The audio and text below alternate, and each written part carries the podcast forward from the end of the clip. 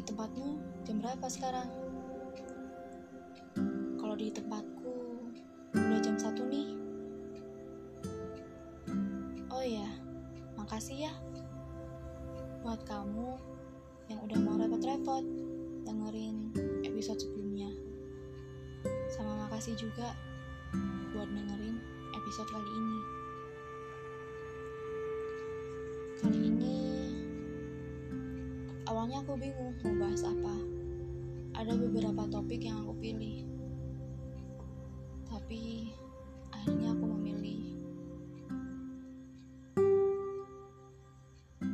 harapan yang harus aku pendam.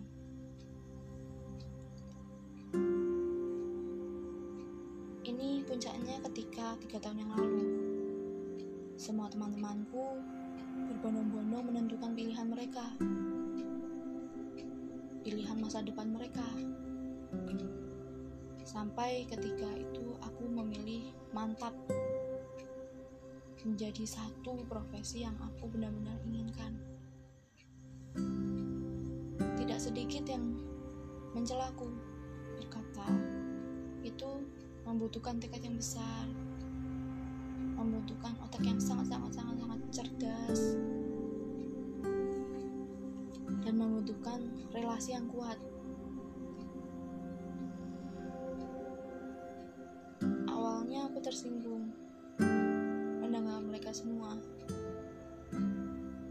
Mereka yang tidak tahu apa-apa bisa berkata demikian. Apa salahnya aku untuk bermimpi?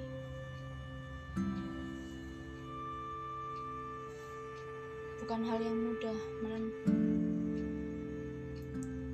menempatkan diri pada satu cita-cita. Banyak kok remaja yang sampai saat ini nggak tahu cita-citanya apa. Bukan, bukankah aku lebih baik? Tapi kenapa aku masih dicela?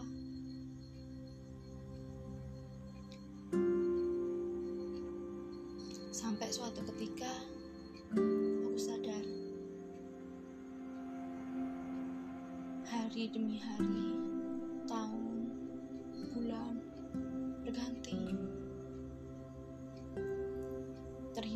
sudah tiga tahun ini aku menginginkannya.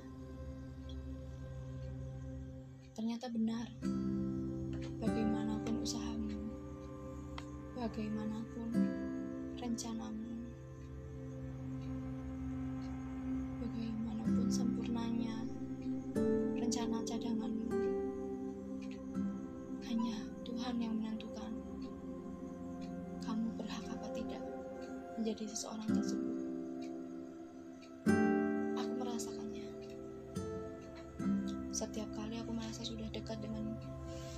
Tujuanku, hanya dengan kesalahan satu saja, aku tidak mendapatkannya. Yang berkata, kok nggak berjuang lagi? Kan masih ada satu tahun.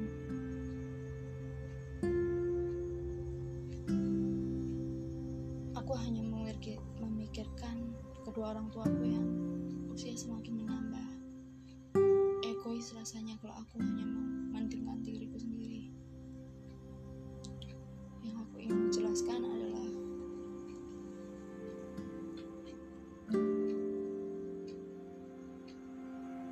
tidak seharusnya kalian memaksakan atau terpuruk pada masa-masa yang sudah harus dikelaskan. Baik memang punya cita-cita yang kuat. Aku tidak menyalahkan itu. Aku hanya menyalahkan diriku sendiri yang tidak pernah sekalipun mau melupakan kenangan buruk itu. Kau, kamu tahu kenapa? Karena di media sosialku sudah banyak jas putih di kampus yang salah satu yang aku inginkan. Getar hati ini rasanya melihatnya. Tapi apa boleh buat? Tahun semakin nambah, usia semakin menengah. harus fokus pada pilihanku yang sekarang. Bagaimanapun, yang dahulu adalah hanya kenangan. Tidak ada jaminan ketika aku masuk kampus tersebut dengan fakultas yang aku inginkan akan menjadi apa yang aku gambarkan. Tuhan yang Maha Tahu.